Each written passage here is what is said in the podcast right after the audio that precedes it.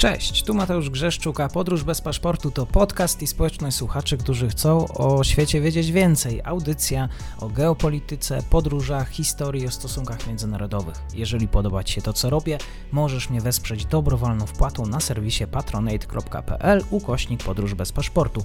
Serdecznie za to dziękuję, bo właśnie dzięki temu mam szansę rozwijać to miejsce. Obserwuj, polub i udostępniaj dalej. Zapinamy pasy, czas na kolejny odcinek podróży. Dzień dobry wszystkim słuchaczom. Dzisiaj e, dodatkowy odcinek e, piątkowy na weekend. E, może na weekend również też coś się pojawi. A moim gościem jest Magdalena Bartczak, która łączy się ze mną z, za drugiej strony oceanu, bo z Chile i będziemy rozmawiać właśnie o tym kraju z Ameryki Łacińskiej. Dzień dobry, cześć i dziękuję za przyjęcie zaproszenia. Ja dziękuję za zaproszenie i też, też witam się. Niedziela 4 lipca to taki symboliczny dzień. Tego dnia pracę zaczęło Zgromadzenie Konstytucyjne. Zgromadzenie, które składa się z 155 osób. Celem prac będzie opracowanie tej nowej ustawy zasadniczej dla Chile. Poprzednia konstytucja pamięta jeszcze Pinocheta. Pytanie e, do ciebie, dlaczego akurat e, Chilijczycy zdecydowali się na napisanie e, nowej konstytucji? Dlaczego akurat zdecydowali się na to, żeby zmienić ustawę zasadniczą? Poproszę cię o taką powtórkę, bo rozmawialiśmy już o tym podczas jednego odcinka podcastu.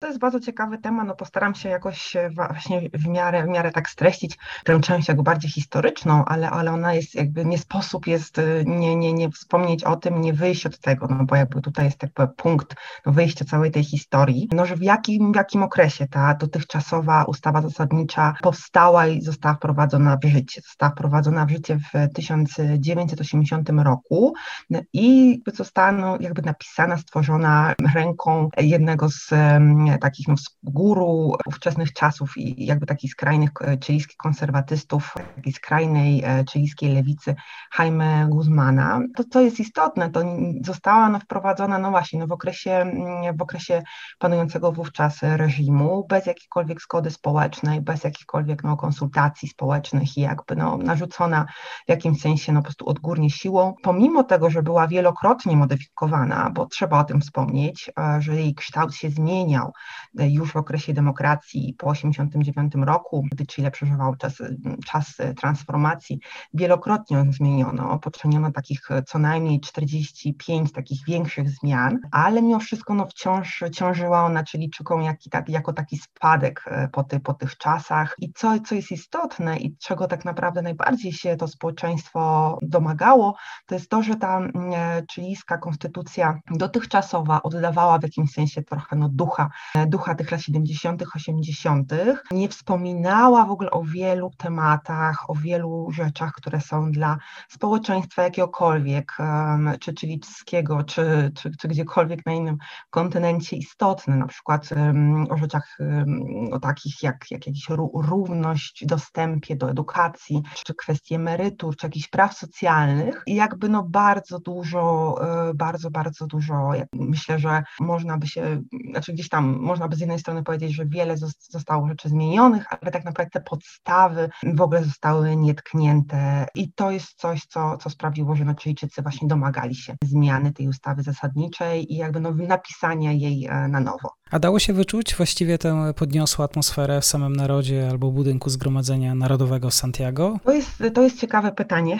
bardzo, bardzo, bardzo dobre, bo też w jakimś sensie to, to, co powiem za chwilę, być może trochę rozbije tę też taką optymistyczną wizję tego, co, co teraz Chile czeka i jak, jak te prace nad nową ustawą zasadniczą będą wyglądały, bo niestety mm, okres, od kiedy wybuchły protesty, czyli październik 2019 roku, to, to było kilka miesięcy, no tak naprawdę przerwało to e, wszystko, e, przerwało to wszystko nadejście pandemii, podczas gdy oczywiście no, jakby pojawił się wirus, e, pojawiły się restrykcje, wychodzenie na ulicę już nie było tak łatwe i przede wszystkim możliwe jak wcześniej, ale mimo wszystko taki duch jakiegoś takiego no, gniewu społecznego i frustracji w jakimś sensie w Chilijczykach pozostał, mimo że właśnie w plebiscycie zadecydowano, że, że ta mm, droga do tworzenia nowej konstytucji, napisania nowej konstytucji zostaje otwarta, mimo że te zmiany już są jakby bardzo bardzo realnie dostępne i gdzieś tam wiszą na horyzoncie, to Chilijczycy nadal na przykład, wie, duża część społeczeństwa pamięta o tym, że w okresie protestów, w dużym stopniu pokojowych, ale oczywiście jak często w wypadku takich sytuacji dochodziło do wielu zamieszek, zniszczeń, demolacji budynków, wiele osób trafiło na przykład do aresztów. Zostały te osoby aresztowane za nie wiem, zamazanie po, po budynkach, po pomnikach, za jakieś zniszczenia i wiele z tych osób, no to różne są te statystyki podawane od kilkuset do nawet 1200 e, znajduje się wciąż e, jakby w, aresztach, w, w areszcie. I to jest na przykład jeden z takich postulatów, który, który powraca i na przykład w okresie, kiedy, znaczy jeszcze zanim, e, zanim to Zgromadzenie Konstytucyjne zaczęło pracować 4 lipca, a jeszcze, jeszcze kilka dni wcześniej, kilka tygodni wcześniej tak naprawdę i też tego samego dnia właśnie pod kongresem zbierały się grupy protestujących, domagających się uwolnienia tych, tych osób. Doszło też do jakichś mniejszych, większych zamieszek, starć z policją. Więc z jednej strony ten dzień no, jest takim rzeczywiście historycznym dla Chile, ale też czuje się, że będzie to bardzo ciężka praca, to znaczy zarówno jeśli chodzi o jakieś tam reakcje społeczeństwa, taką komunikację ze społeczeństwem, jak i, no, jak i po prostu też jakby zebranie tych różnych wszystkich wizji, które ci członkowie Zgromadzenia Konstytucyjnego mają, zderzenie tych różnych głosów, e, pogodzenie tych różnych pomysłów. E, myślę, że to będzie bardzo długi czasochłonny, złożony i na pewno niełatwy proces dla, dla, dla, dla całego kraju. Napisałeś w swoim tekście, że ostatnie lata demokracji dla Chile były takim czasem amnezji, ale i amnestii, a cały proces transformacji nazwałaś niebyłej. Dlaczego niebyłej? To znaczy, to nie jest e, moje, moje, e, moje sformułowanie, bo, bo zwykle staram się za Chilijczyków nie, nie mówić, bo, bo, bo mimo, że mieszkam tutaj długo, ponad 5 lat, prawie 6 właściwie i znam jakoś tam do, do, te realia, to chętnie, chętnie się posługuję, no właśnie, cytując jakichś, jakichś publicystów albo historyków, socjologów, albo po prostu osoby, osoby mi znane,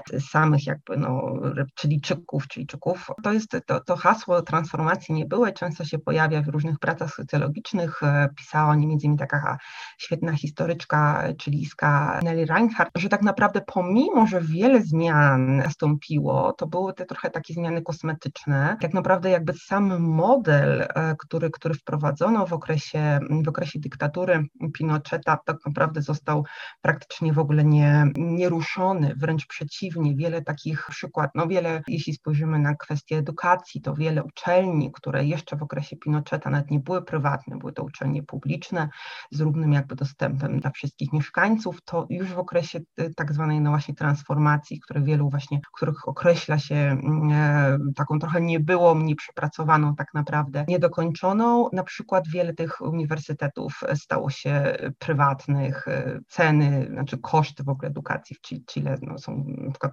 przewyższają, nie wiem, eduk- koszty edukacji w Europie Zachodniej, jeśli to oczywiście zestawimy z jakąś średnią minimalną, z jakimiś średnimi zarobkami, no to, to, to oczywiście ten, ten szacunek wygląda, no, wygląda naprawdę bardzo ponuro, czy ta, te, te liczby i te sumy, jakby jeśli chodzi o to, ile, ile osób, ile Chilijczycy średnio zarabiają, a jakie tutaj są koszty życia i na przykład właśnie służby zdrowia, edukacji i tak dalej. Jakby na przykład po samym systemie edukacji widać, że tak naprawdę jakby pewne pewne jakieś elementy systemu, które zostały wprowadzone w okresie lat 70., 80., czy nawet już pod koniec reżimu, dosłownie w ostatnim momencie, mm, kiedy, kiedy no w, ramach, w ramach też plebiscytu Chilijczycy wybrali jakby powrót demokracji i, i pierwsze demokratyczne mm, od lat wybory. Tak naprawdę wiele tych elementów e, tego systemu się jeszcze bardziej umocniło, pogłębiło, mimo że w okresie, w okresie no właśnie tej tak zwanej transformacji przy rządach e, tak naprawdę w dużym stopniu była raczej lewica czy centrolewica, a nie, a nie jakieś partie y,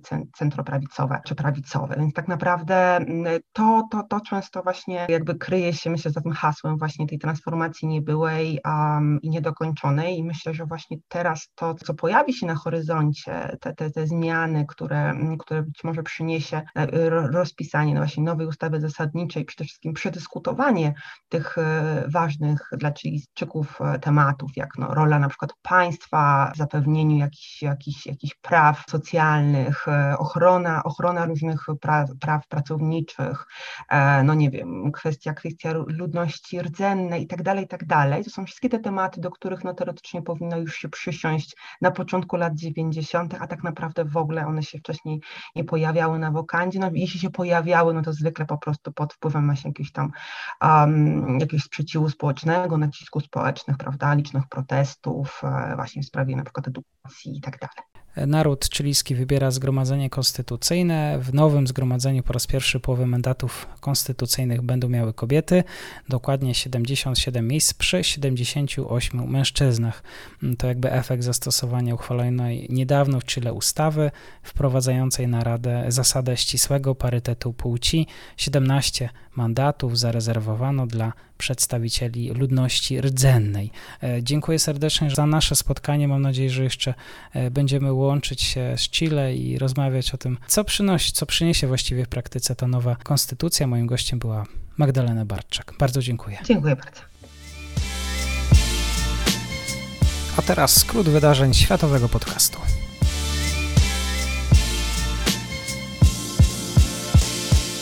A my pozostajemy nadal na podcaście. Michał Mituła ze Światowego Podcastu przedstawi najważniejsze wydarzenia tygodnia. Światowy Podcast y, Spotify y, serdecznie zapraszam do inicjatywy studentów SGH oraz Uniwersytetu Warszawskiego. Studenckie Koło Spraw Zagranicznych. Michale, co się działo w trakcie ostatniego tygodnia, a o czym powinni wiedzieć nasi słuchacze? Cześć, witam Ciebie i witam też serdecznie wszystkich y, naszych słuchaczy.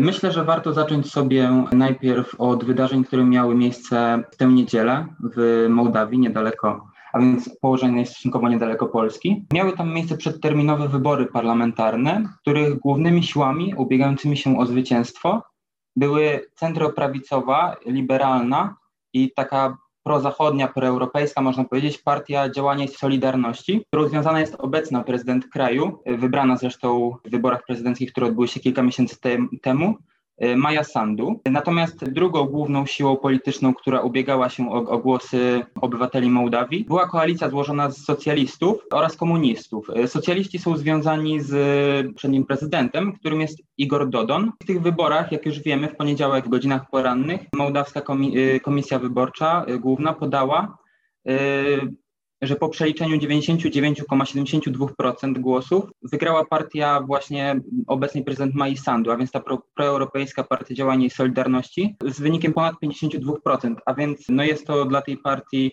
założonej dopiero w 2016 roku ogromny sukces, ponieważ będzie ona mogła sformować samodzielny rząd, samodzielnie rządzić państwem. Wybory przyspieszone miały miejsce z tego powodu, że od wielu miesięcy, już od ponad roku tak naprawdę, mołdawskim parlamencie nie było możliwości porozumienia się, konsensusu, rządy były bardzo niestabilne. Rządziła partia właśnie ta, która teraz przegrała, czyli partia socjalistów wraz z komunistami, natomiast oni nie mieli tak dużej yy, przewagi i tak naprawdę oni coraz mocniej, coraz mocniej te wybory odwlekali, ponieważ widzieli tendencje, które jest dla nich bardzo niekorzystna, natomiast no, w końcu te wybory się odbyły, ponieważ były one konieczne. Tak jak przewidywali, niestety, niestety dla nich zakończyły się te wybory dużą porażką.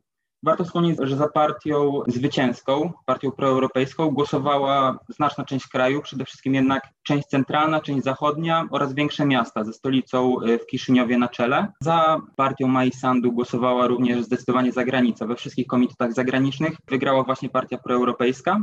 Natomiast socjaliści z komunistami mogli liczyć na głosy przede wszystkim w zrewoltowanej wobec Kiszyniowa prowincji, prorosyjskim Naddniestrzu oraz w innym regionalnym autonomicznym obszarze Mołdawii o nazwie Gagauzja, która leży na południu kraju.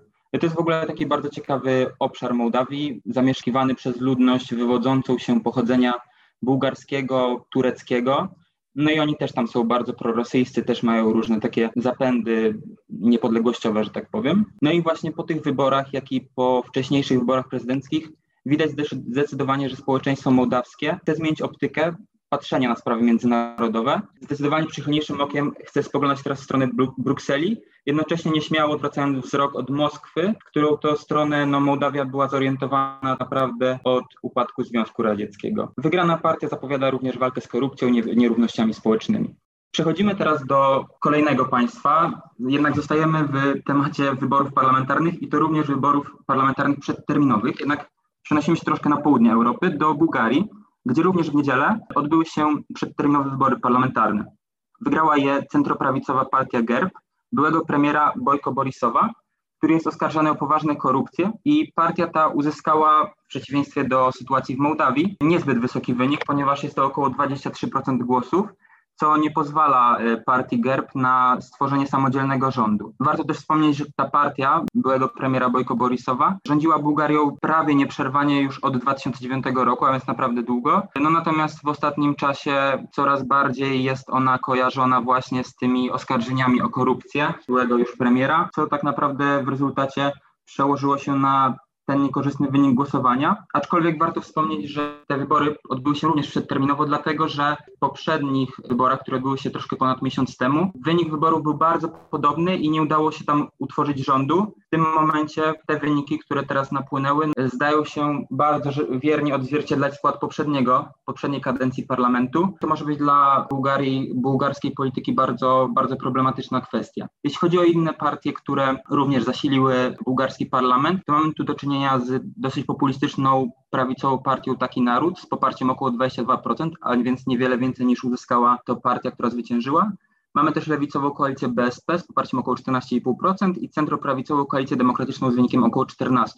Parlament uzupełniły jeszcze dwie partie z troszkę mniejszym poparciem. Mamy, mam tu na myśli Turecki Ruch na Rzecz Praw i Swobód oraz partię Wyprostuj się precz z mafią, więc taka nazwa dosyć wymowna. Właśnie, jaki jest problem w tej Bułgarii? Problem jest taki, że partia, która uzyskała największy wynik, jest przez wszystkie inne y, partie w parlamencie izolowana ze względu właśnie na te, na te doniesienia o korupcji. Natomiast z drugiej strony partie mm, opozycyjne nie są w stanie się dogadać przez swoje różnice na osi głównie lewica-prawica. To znaczy te partie opozycyjne prawicowe nie są w stanie dogadać się z lewicą, i przez to też nie są w stanie utworzyć stabilnego rządu, wyłonić premiera, co prawdopodobnie spowoduje, że w najbliższym czasie również nie uda się wyłonić e, rządu bułgarskiego i dojdzie do kolejnych już przedterminowych wyborów. Myślę, że taki scenariusz jest w tym momencie najbardziej prawdopodobny. Teraz z Europy przynosimy się szybko do Ameryki Południowej, a właściwie do Wenezueli, gdzie w sobotę, 10 lipca, wenezuelska minister spraw zagranicznych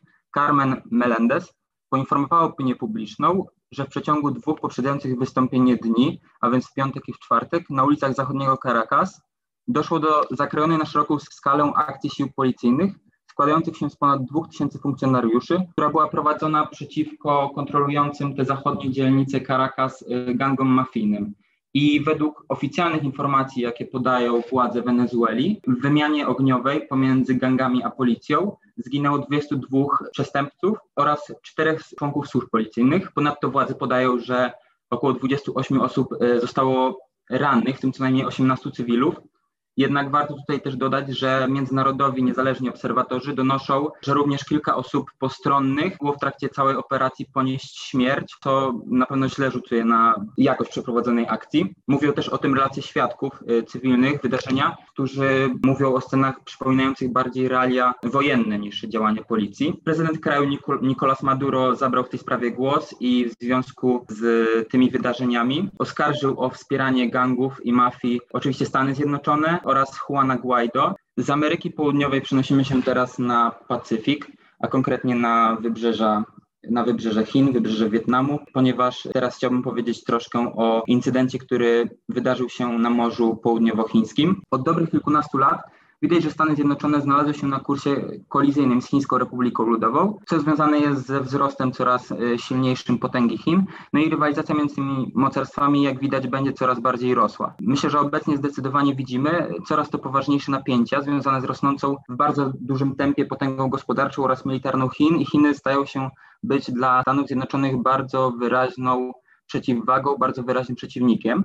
I jednym z najbardziej newralgicznych punktów, gdzie ścierają się właśnie wpływy amerykańsko-chińskie, jest przede wszystkim Pacyfik, w szczególności bardzo ważny ze strategicznego punktu widzenia Morze Południowochińskie. I właśnie ten poniedziałek władze Chińskiej Republiki Ludowej poinformowały o, jak to one ujęły, odpędzeniu okrętu marynarki Stanów Zjednoczonych z wód otaczających Wyspy Paracelskie. Chińczycy w komunikacie wspomnieli też przede wszystkim, że amerykański okręt USS Benfold wpłynął na wody suwerennego państwa chińskiego i tym samym naruszył prawo międzynarodowe, co nie jest do końca e, zgodne z prawdą, co zaraz postaram się wyjaśnić. Wyspy Paracelskie, do których prawo żąda sobie Chińska Republika Ludowa, jest to archipelag miniaturowych wysp i atoli położonych na Morzu Południowochińskim, do których roszczenia oprócz już wspomnianych Chin wysuwa również kilka innych państw regionu. Są to jeszcze przede wszystkim Wietnam, któremu tak naprawdę wyspy paracelskie zostały siłą odebrane przez y, Chiny jeszcze w XX wieku, oraz Tajwan czy Filipiny. Obecnie na wyspie stacjonują żołnierze chińscy. No i dlaczego te wyspy paracelskie są tak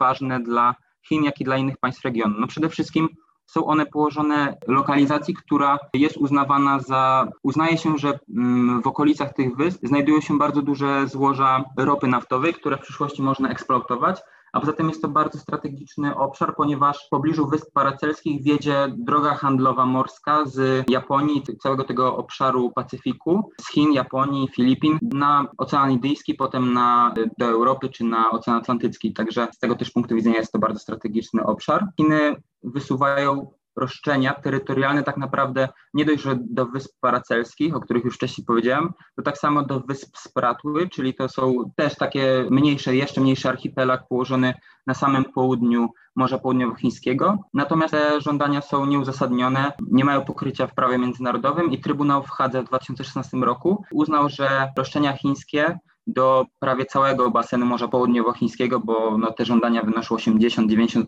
mm, powierzchni akwenu. Trybunał uznał, że są one bezzasadne. Chińczycy swoją tak zwaną linię dziewięciu kresek, a więc taką granicę, którą sobie kiedyś wytyczyli na tej mapie. Trybunał uznał, że granica ta nie ma oparcia w prawie międzynarodowym, natomiast Chińczycy argumentują ją względami czysto historycznymi. Chińczycy idą zdecydowanie na kurs kolizyjny z ze Stanami Zjednoczonymi, coraz bardziej otwarcie mówią o tym, że Stany Zjednoczone nie powinny się wtrącać w ich interesy. Mówiąc o ich interesach, mówię przede wszystkim właśnie o Morzu Południowochińskim, ale także o Hongkongu, a nawet Chińczycy zaczynały już mówić o Tajwanie, co jeszcze parę lat temu było nie do pomyślenia i Tajwan był no, zdecydowanie jak to się mówiło, najdalej wysuniętym pod terytorium Chin lotniskowcem Stanów Zjednoczonych. Newralgiczne też jest z tego punktu widzenia to Morze Południowochińskie, że Stany Zjednoczone mają podpisany pakt o wzajemnej, wzajemnej obronie e, z Filipinami z 1951 roku, które to też roszczą sobie prawa do sporej części akwenu Morza Południowochińskiego i Stany Zjednoczone otwarcie parę razy już wspominały, że Filipińczycy mogą liczyć na Stany Zjednoczone, jeśli zostałyby zaatakowane w jakiś sposób przez Chiny, to Stany Zjednoczone odpowiedzą. I myślę, że na tym warto skończyć te rozważania polityczne i przejść do tego, co emocjonowało cały świat sportowy, cały świat piłkarski przez ostatni miesiąc, a co miało swoją kulminację ten ostatni weekend. A więc mówię tutaj o finale Copa America oraz finale Mistrzostw Europy, które odbyły się w niedzielę. Oczywiście, to były dwa zupełnie inne finały. Finał amerykański przy pustych trybunach, cisza, spokój, kompletnie co innego panowało na Wembley. Tutaj akurat chyba ciężko było o jakieś wolne miejsce na trybunach. Tak jak wspomniałeś, bardzo zauważalny był na obu finałach ten kontrast y, odnośnie kibiców. Ja powiem szczerze, ze swojego punktu widzenia oglądałem dwa finały. Zacznę może od tego, który odbył się za oceanem w południowej Ameryce. No bo ten odbył się po prostu pierwszy, odbył się o drugiej w nocy i rzeczywiście y, odbył się on na stadionie Maracana w Rio de Janeiro, na bardzo dużym stadionie który jest tak naprawdę futbolowym symbolem Ameryki Południowej. No i rzeczywiście ten stadion wyglądał trochę smutno, bo była jedynie garstka kibiców, e, zarówno brazylijskich, jak i garstka kibiców argentyńskich. Dlatego no, tak naprawdę nawet dopingu nie było słychać. Ten stadion wydawał się bardzo pusty, co nie nadawało temu meczowi takiej właśnie rangi, jaki, jaka powinna być, jaka powinna towarzyszyć. Finał odbył się, tak jak już wcześniej wspomniałem, o drugiej w nocy, no i mierzyły się w nim dwie najlepsze drużyny kontynentu, czyli Argentyna i Brazylia, czyli można powiedzieć taki południowoamerykański klasyk. I w bezpośredniej rywalizacji lepsza okazała się drużyna Argentyny, która po 90 minutach gry odniosła zwycięstwo, co prawda skromne, ale jednak 1-0. I warto odnotować, że jest to pierwszy triumf e, kraju ze stolicą Buenos Aires na Mistrzostwach Ameryki Południowej od 1993 roku, a więc już przeszło dobre kilkadziesiąt lat. Dlatego chyba nie muszę mówić, że ojczyzna Diego Armando Maradony po tym finale naprawdę oszalała i Buenos Aires długo nie położyło się spać. I jeszcze warto wspomnieć, myślę, że mimo, że na stadionie Maracana było mało ludzi, to wydaje mi się, że każdy na stadionie usłyszał ten ogromny kamień serca, który spadł kapitanowi biało-niebieskich, czyli Leo Messiemu, ponieważ był to dla niego już piąty finał z Argentyną na dużym turnieju i wcześniejsze cztery jego reprezentacja musiała w finale uznać wyższość przeciwnika. Trzy razy było to w Copa America i raz w 2014 roku w finale Mistrzostw Świata z Niemcami. Także myślę, że naprawdę ten świetny, wybitny piłkarz musiał odetchnąć z ulgą i zapewne teraz już może powiedzieć o, ty, o sobie, że jest piłkarzem spełniony, że w końcu udało mu się wygrać coś z reprezentacją. I zostawiamy teraz Amerykę Południową, przenosimy się szybko na stary kontynent, który również całkowicie pogrążył się w piłkarskich emocjach. Dokładnie o godzinie 21 Anglicy podejmowali reprezentację Italii i tak jak wspomniałeś, tutaj mieliśmy zupełnie inne widowisko. No więc Anglicy w tym meczu e, z Włochami występowali w roli gospodarza. Jednak nawet to nie pomogło Anglikom w pokonaniu świetnego zespołu z Półwyspu Apenińskiego. Dziękuję serdecznie za ten skrót wydarzeń. Przedstawił go Michał Mituła. Dziękuję jeszcze raz. Dziękuję bardzo.